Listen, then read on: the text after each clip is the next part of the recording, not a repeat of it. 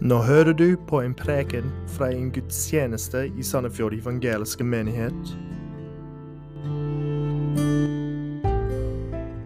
Jeg har nettopp sunget om uh, makt i de foldede hender.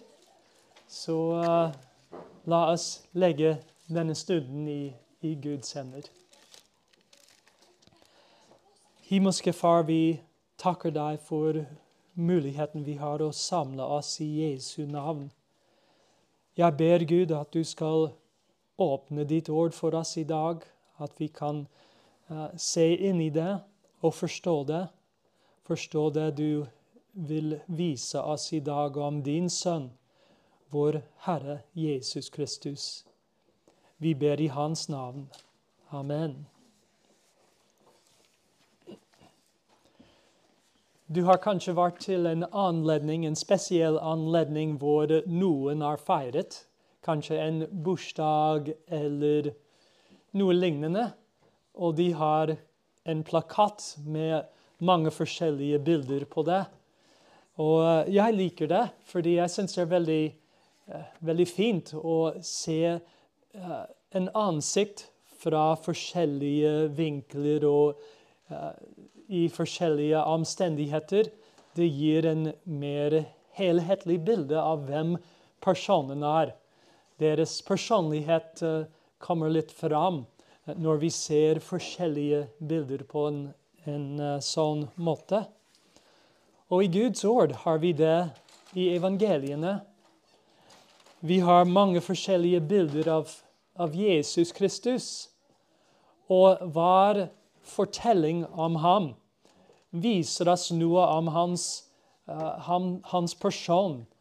Og uh, når vi setter dem sammen, har vi en, en helhetlig bilde av Jesus Kristus. Det bildet som Gud vil at vi skal ha. Så vi kommer til uh, Markus kapittel 2 i dag. Markus kapittel 2 og vers 23.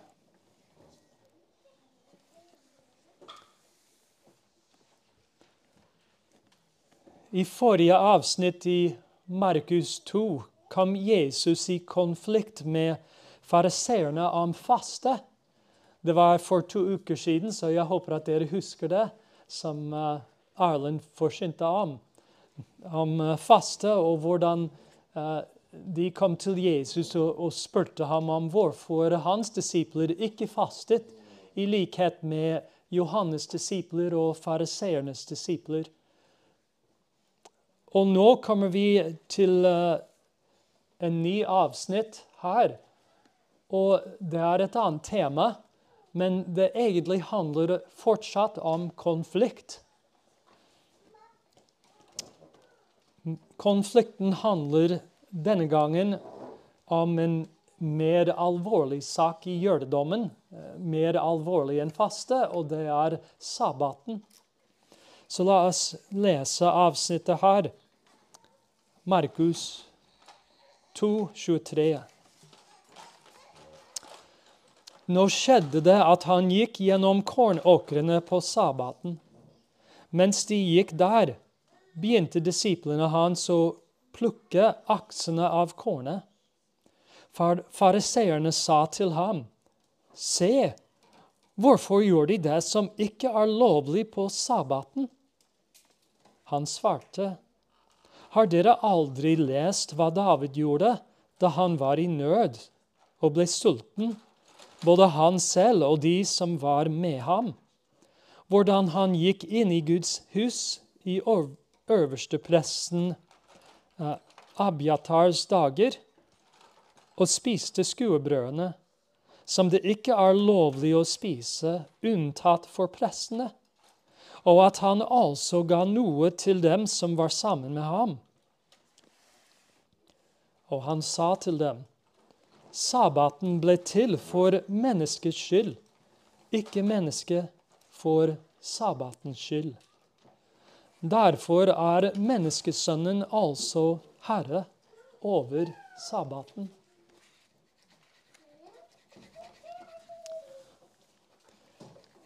Det første vi ser i dette avsnittet, er at uh, fariseerne kommer med en anklage til Jesus og hans disipler.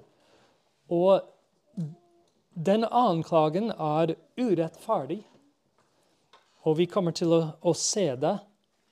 Men om, omstendighetene beskrives her i vers 23. Nå skjedde det at han gikk gjennom kornåkrene på sabbaten. Jesus og disiplene gikk på et sted hvor det var kornåkre på begge sider. Det var ikke slik at de tok sin egen vei gjennom åkeren, men at de gikk på en sti eller vei med åker på begge sider. Det er det som uh, språket antyder her. Og Markus nevner ikke når dette skjedde, eller hvilken sabbat det var, men bare at det var en sabbat. Og mens de gikk der, begynte disiplene hans å plukke aksene av kornet. Vi kan, uh, vi kan vite hva årstiden var, uh, bare pga. det som har skjedd her.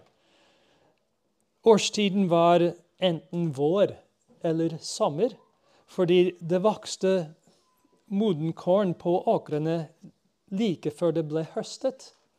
Så det skjedde uh, F.eks. big innhøsting fant sted rett før vår påske og deres påske i mars eller april. Det er ganske tidlig. Vi høster ikke så tidlig her i Norge. Men de gjorde det. Det var begynnelsen av uh, innhøstingen i mars-april. Og så uh, kom uh, vettehøsten senere, rett før pinse. Så vi vet at denne, denne anledningen, denne hendelsen, skjedde i enten vår eller sommer i, i den tidsperioden. Og vi ser at fariseerne anklager disiplene i vers 24. Fariseerne sa til ham, Se, hvorfor gjør de det som ikke er lovlig på sabbaten? Og Grammatikken indikerer at de spurte Jesus mange ganger. De holdt på med å anklage disiplene for deres overtredelse. Se der!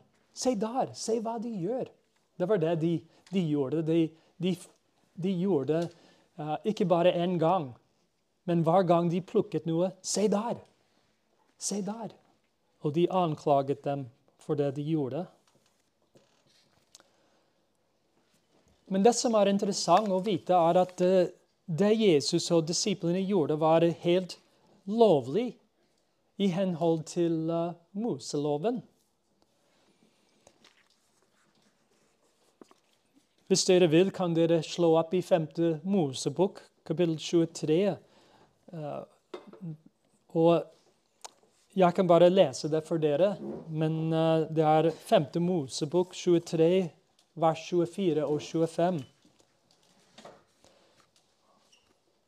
Der står det når du kommer inn i vingården til din neste, kan du spise så mye druer du vil, til du er mett, men du skal ikke legge noe i kurven din.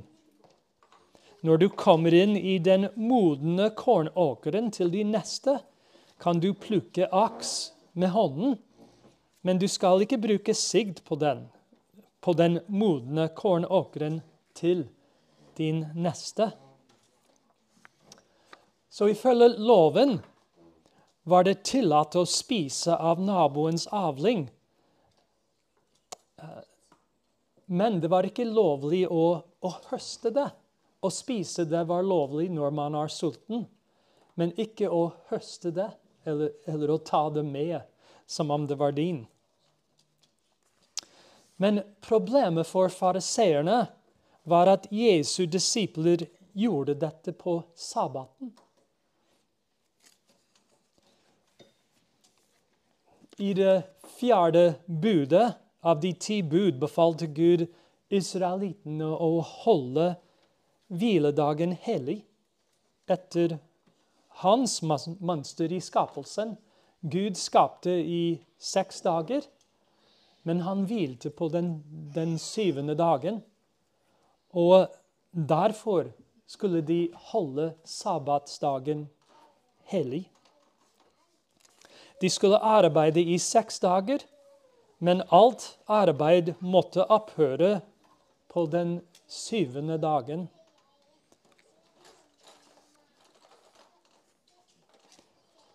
Og vi leser altså i Det gamle testamentet at uh, etter at Gud ga loven, kom israelittene over en mann som sanket ved på sabbaten.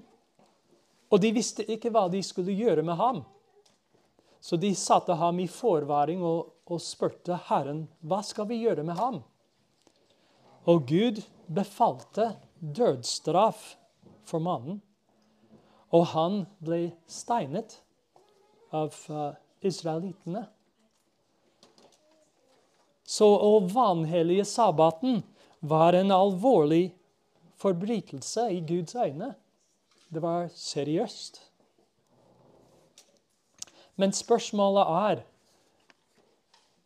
Brøt Jesu disipler faktisk det fjerde budet her, når vi leser i dette avsnittet?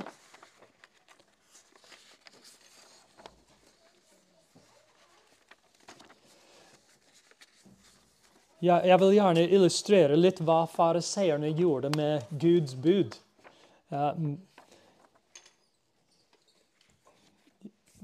Fartsgrensen eh, foran huset mitt er 60 eh, km i timen. Og hva, hva ville skje hvis jeg, hvis jeg mente det var altfor fort?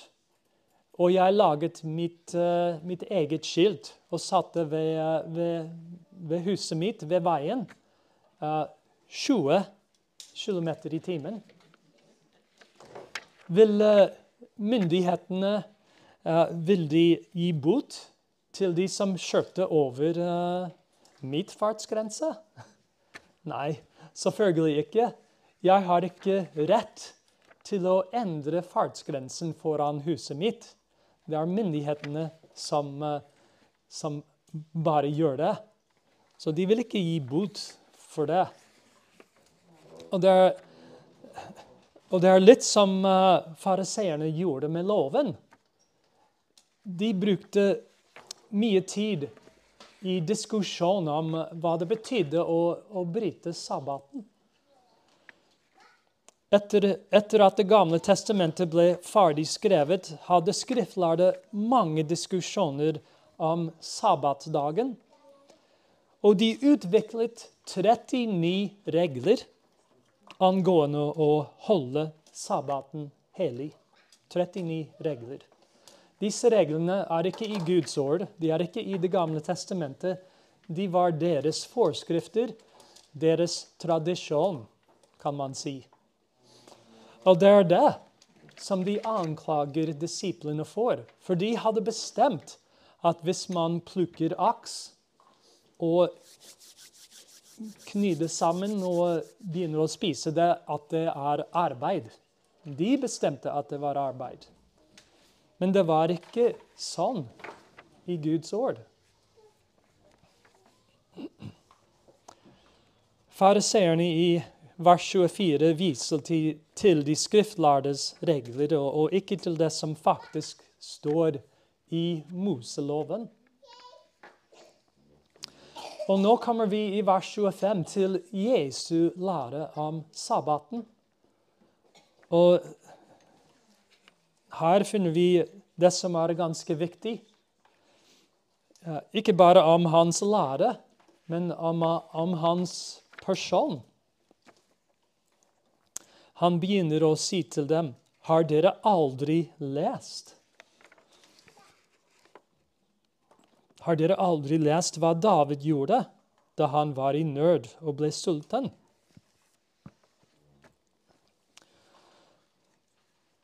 Jesus kommer med et unntak i Det gamle testamentet til, uh, til loven.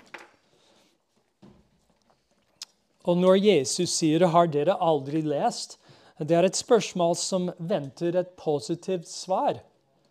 Selvfølgelig hadde de lest om David. Fariseerne var eh, eksperter i loven. De hadde lest hele Det gamle testamentet, og de kunne det veldig godt. Så de var vel kjent med hva David gjorde. Men det som Jesus eh, poengterer her, er at, eh, at her er noe som de bør legge merke til fra Det gamle testamentet. David var i nød og ble sulten, både han selv og de som var med ham. Og Jesus, han er Davids sønn etter skjødet. Og disiplene er med ham, slik som uh, Davids menn var sammen med ham i situasjonen i Det gamle testamentet. Så illustrasjonen som Jesus gir, den passer situasjonen veldig bra. Men hva gjorde David?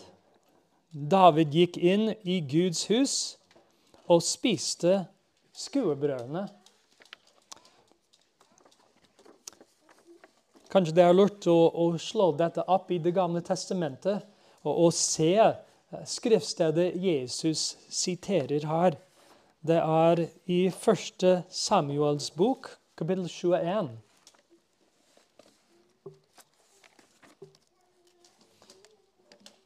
Første Samuels bok 21 og vers 1-6.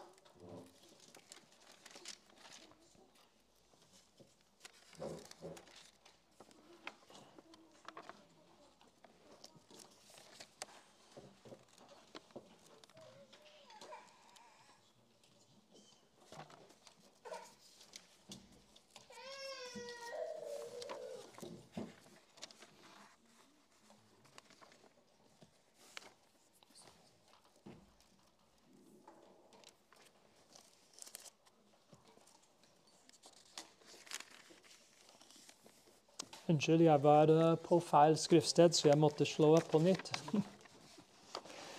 Første Samuels bok 21. David kom til Nob, til pressen av Himmelek. Himmelek ble redd da han møtte David, og han sa til ham, 'Hvorfor er du alene?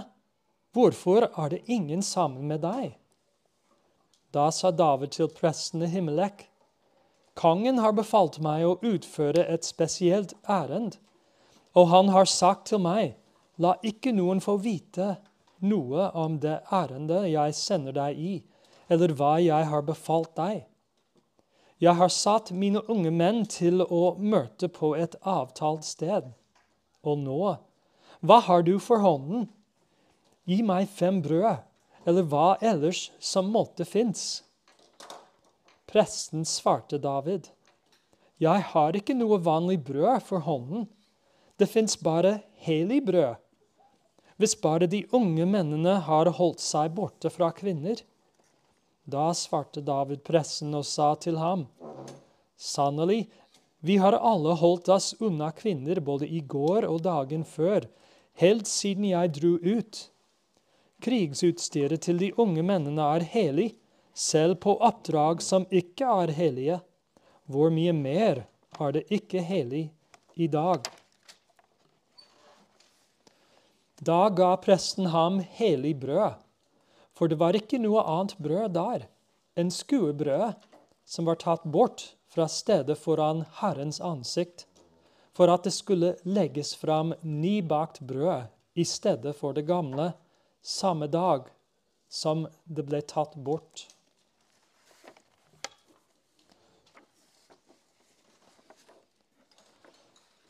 Så når vi kommer tilbake til uh, Markus, og Jesus sier at David gikk inn i Guds hus, forstår vi at uh, han mente tabernakelet, fordi det var Guds hus på den tiden, før tempelet ble bygd. Og en av prestenes oppgaver var å bake tolv brød. og legge det på bordet for Guds åsyn i tabernakelet. Og dette gjorde de hver eneste uke. Det var ett brød for hver av israelittenes tolv stammer. Og skuebrødene, som det ble kalt, ble erstattet hver sabbat. Det første som var gjort på sabbatmorgenen, var å, å, ta bort det gamle brødet og, og sette det nye bakte brødet til, til stede der uh, foran Gud. Da David kom til pressen for hjelp, fantes det ikke noe vanlig brød, men bare hellig brød. Brødet som ble tatt ut av tabernaklet akkurat den dagen som var sabbatsdagen. Så igjen ser vi at illustrasjonen passer det som skjer med Jesus og disiplene på sabbatsdagen. Og bare prestene hadde rett til å spise skuebrødene ifølge loven. Men presten Ahimelek, som var eh, far til Abiatar, som er nevnt her i Markus, han måtte ta en avgjørelse. Han måtte bestemme om, om han skulle gi David det hellige brødet eller ikke. Og han bestemte å gjøre det. David er ikke kritisert i Skriften for å ha gjort det. Og eh, presten tok den avgjørelsen å gi ham det brødet. Hvorfor gjorde han det? Jo, det var ikke bare den ene regelen i loven om skuebrødet, men det var andre lov i Guds ord som, som han altså måtte ta i betraktning. For eksempel er det viktig å, å vise barmhjertighet. Og jeg tror det, det, var, det, var, grunnen til at han tok den avgjørelsen å, å gi ham hellig brød. Det var en barmhjertighetshandling av nød. David var sulten, og han var i nød, står det her i Markus. Og presten bestemte å vise barmhjertighet og det var en høyere lov, egentlig, enn den seremonielle loven som gjaldt eh, skuebrødet. Så illustrasjonen som Jesus gir her, det er en unntak i loven.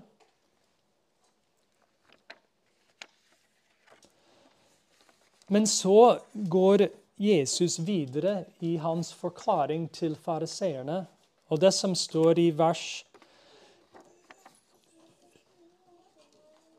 Ja, vers 20, eh, 26 Nei, 27. Og han sa til dem Sabbaten ble til for menneskets skyld, ikke mennesket for sabbatens skyld. Sabbaten ble til for menneskets skyld. Hvordan stemmer det med Det gamle testamentet? Ja, hvis dere kan slå opp med meg i femte Mosebok, kapittel fem. Jeg syns dette skriftstedet forklarer eller hjelper oss å forstå Jesu ord her. Hvordan han kunne si at sabbaten ble til for menneskets skyld. Så vi leser i 5. Mosebok kapittel 5 og fra vers 13. Seks dager skal du arbeide og gjøre all din gjerning. Men den sjuende dagen er sabbat for Herren din Gud. På den dagen skal du ikke gjøre noe arbeid, verken du, din sønn eller din datter, din tjener eller din tjenestekvinne, din okse, din esel, eller noen av dyrene dine, eller den fremmede som bor innenfor dine porter.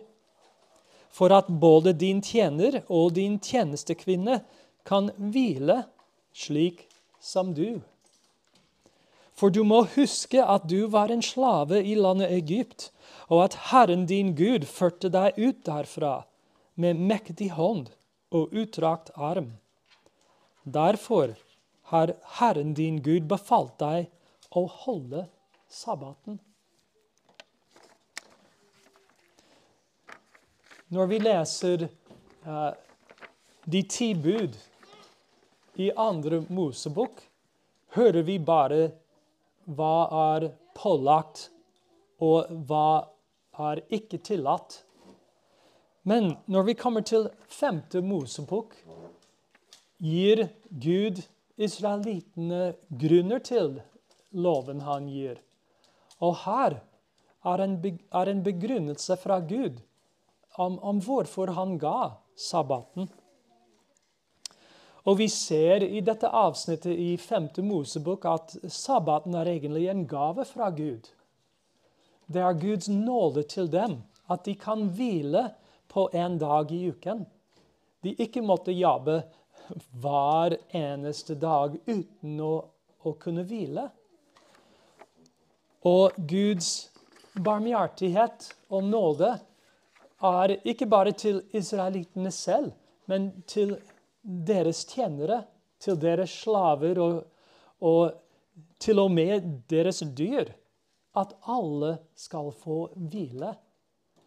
Det er på grunn av Guds godhet og nåde at sabbaten ble gitt. Og det er det, er det som Jesus Eh, sikter til når han sier til dem, til fariseerne, at sabbaten ble til for menneskers skyld, og ikke mennesker for sabbatens skyld. Vi ser i, i sabbatsloven Guds nåde, at han er god, han er barmhjertig.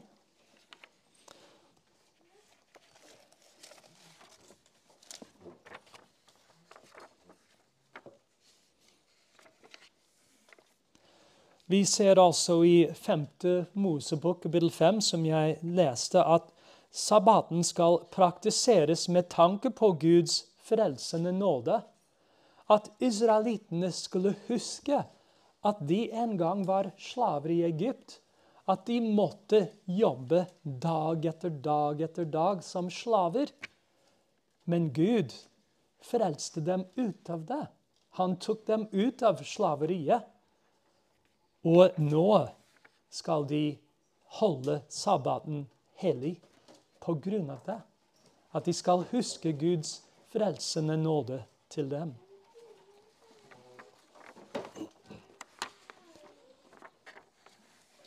Og nå kommer vi til uh, vers 28 i Markus 2.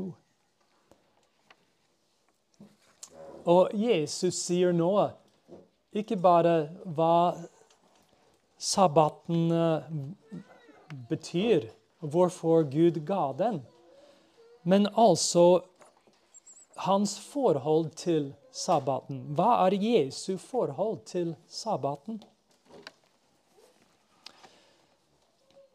Vi leser i vers 28.: Derfor er menneskesønnen altså herre over sabbaten.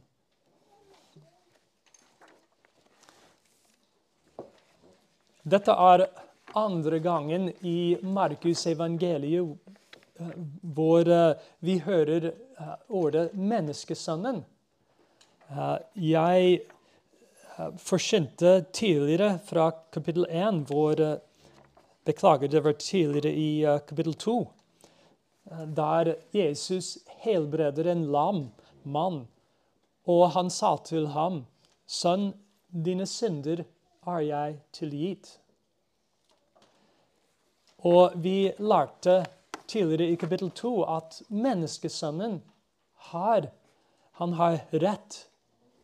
Han har autoritet. Han har makt til å tilgi synder på jorden fordi han er menneskesønnen. Og jeg vil minne dere en gang til, fordi jeg syns det er veldig viktig at vi husker hva menneskesønnen betyr, og hvor det kommer fra. Så jeg vil uh, at vi skal slå opp igjen i Daniels bok, kapittel 7.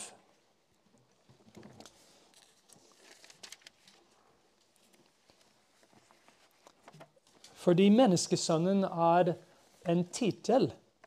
Det er en overskrift over en person. Og den personen er Messias.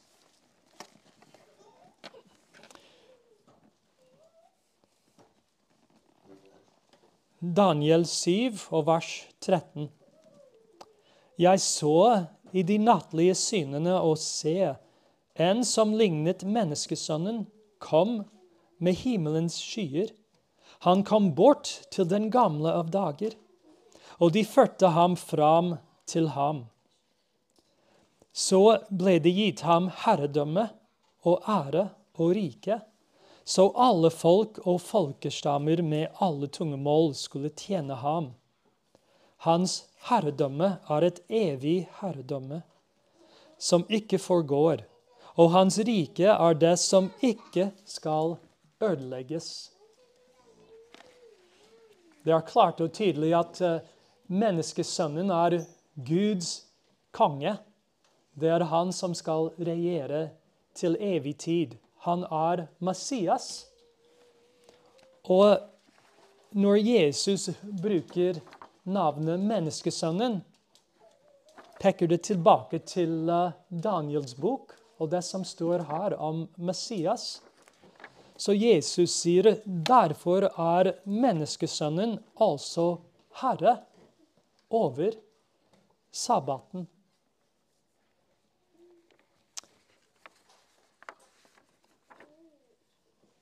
Herre betyr egentlig eier, eller den som kan bestemme over noe.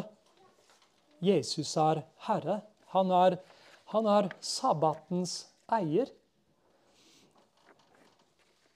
Vi vet fra Skriften at det var Gud som, som skapte sabbaten. Det var han som, som arbeidet, som jobbet i seks dager med skapelsen og hvilte på den syvende dagen. Det var Gud som gjorde det. Det var han som skapte sabbaten. Men Jesus sier her menneskesønnen er herre over sabbaten. Han er den som eier den og bestemmer over den. Vi kan se klart og tydelig at uh, han mener at han er Messias fra Daniels bok. Og han har den retten til å bestemme over sabbaten som herre. Og det er ganske viktig at, det, at han er det. Det er hans stilling hos Gud og hos mennesker.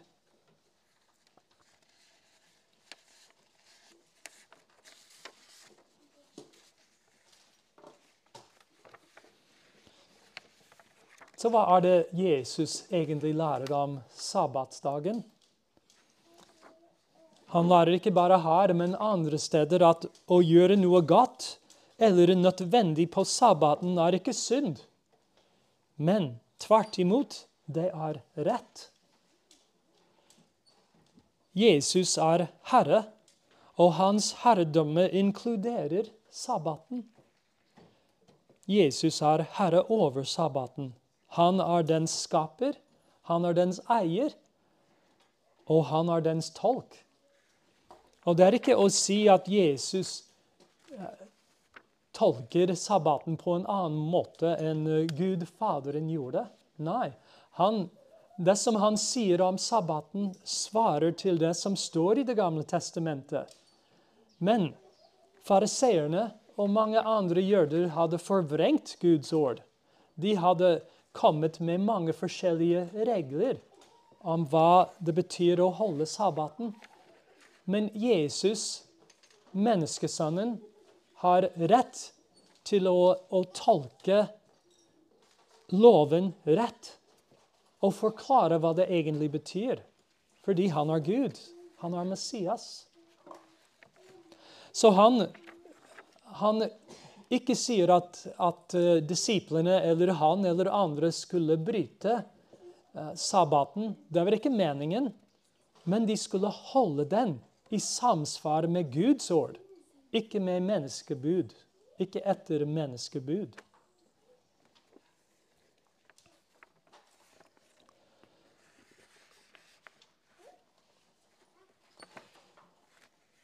Hvordan angår dette oss i dag? Jeg tror det er viktig for oss å, å forstå noen ting om uh, sabbaten.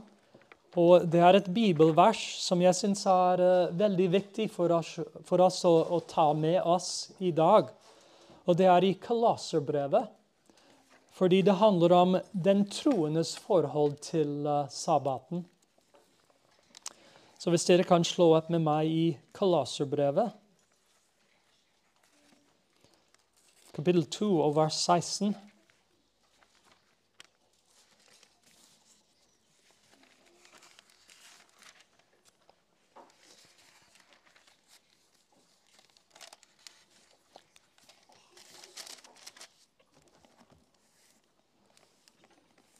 La derfor ingen dømme dere for mat eller drikke, eller i spørsmål om høytid eller en nymånedag eller sabbater, som bare er en skygge av de kommende ting, da kroppen tilhører Kristus.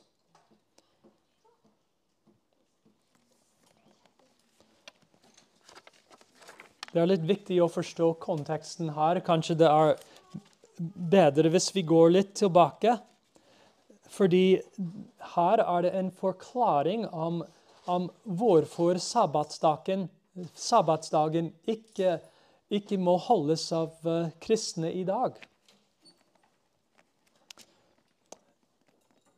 Kanskje vi skal begynne å lese i vers 13. Dere som var døde i deres overtredelser og uomskårne kjøtt, har han gjort levende sammen med ham. Og han har tilgitt dere alle overtredelsene. Han slettet ut skyldbrevet som sto imot oss med bud, det som vitnet imot oss. Han tok det bort ved at han naglet, naglet det til korset. Han avvæpnet myndighetene og maktene og vanæret dem offentlig da han triumferte over dem på korset. Det er bakgrunnen. Og det er at Jesus døde på korset for oss. Og alt som, som, har med Guds lov å gjøre, hvor vi er forbrytere, det ble naglet til korset med ham.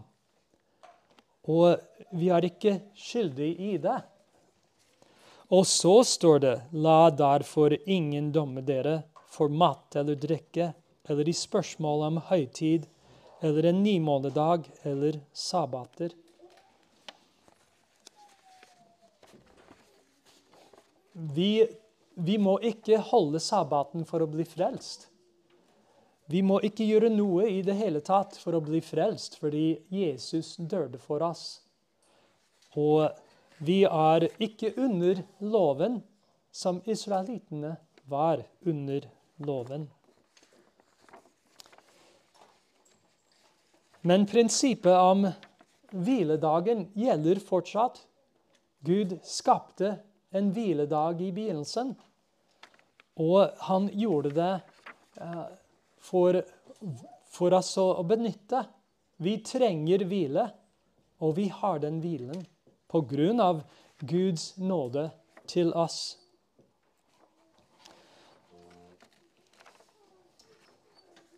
Og En annen ting at vi kanskje må presisere, er at uh, søndag er ikke den kristnes sabbat. Ja, vi kommer sammen på søndag. Vi feirer Jesu Kristi oppstandelse hver søndag. Og det er grunn til at vi gjør det. I Skriften uh, forteller Gud oss at vi skal ikke, ikke forlate vår forsamling. At, at, vi skal komme sammen og oppmuntre hverandre i troen. Og hvis du tenker på alle de budene som eh, vi har fra Jesus og fra apostlene hvordan vi skulle oppmuntre hverandre, hvordan vi skulle vise barmhjertighet til hverandre. Alle de eh, hverandre bud i Det nye testamentet. Eh, vi kan ikke oppfylle disse budene hvis vi ikke kommer sammen som en menighet.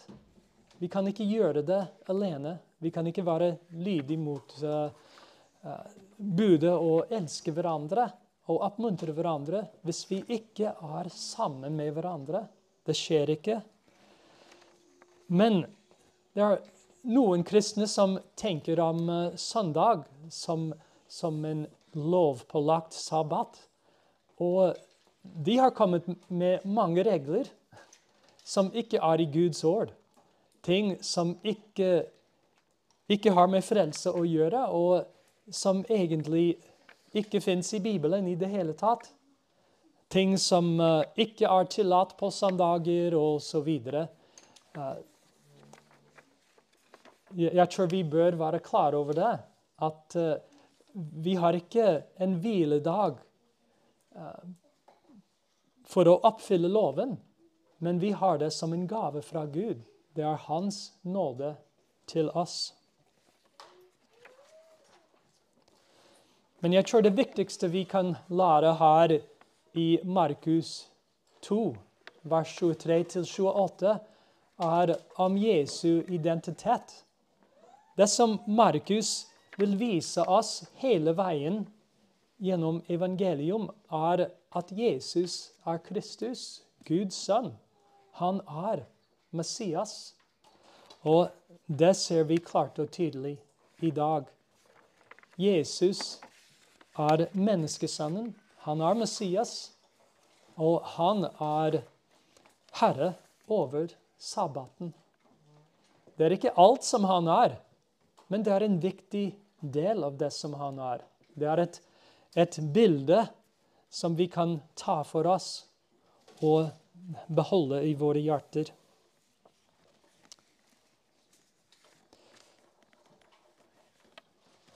Det Spørsmålet er er Jesus din herre. Er han din herre og frelser? Han er, han er herre. Men vi må ta imot ham som herre.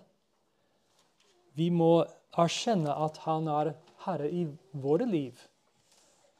Og det første vi gjør, er å bekjenne våre synder. At vi er en synder foran Gud. At vi trenger en frelser. Og at han er frelseren som Gud sendte, som døde for våre synder. Har du kommet til Jesus Kristus? Har du fått den frelsen som han gir til alle som kommer til ham i tro. Hvis ikke kan du tro på ham i dag. Og jeg, eh, jeg ønsker at dere gjør det. Guds ord befaler dere å vende om fra synd og ta imot Jesus Kristus som Herre og Frelser. La oss be sammen. Himmelske Far, vi takker deg for ditt ord i dag. Vi takker deg at du sendte Jesus Kristus inn i verden. At du ga ham som et offer på korset for våre synder.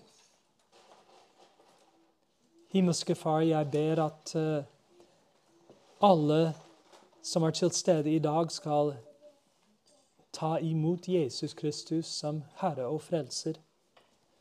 Og hjelpe oss, Gud, og ikke bare ta ham imot i våre liv, men å, å følge ham i livet som disipler. Fordi han er Herre. Han er Messias. Han er den som skal regjere uh, i all evighet. Må vi adlyde ham og ære ham uh, i, i våre liv. Vi ber i Jesu navn. Amen.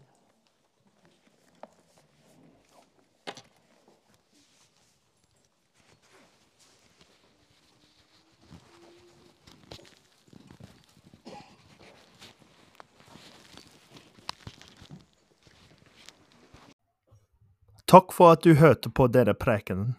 Ønsker du mer informasjon, besøk sandefjordevangeliske.no eller vår Facebook-side Sandefjord evangeliske menighet.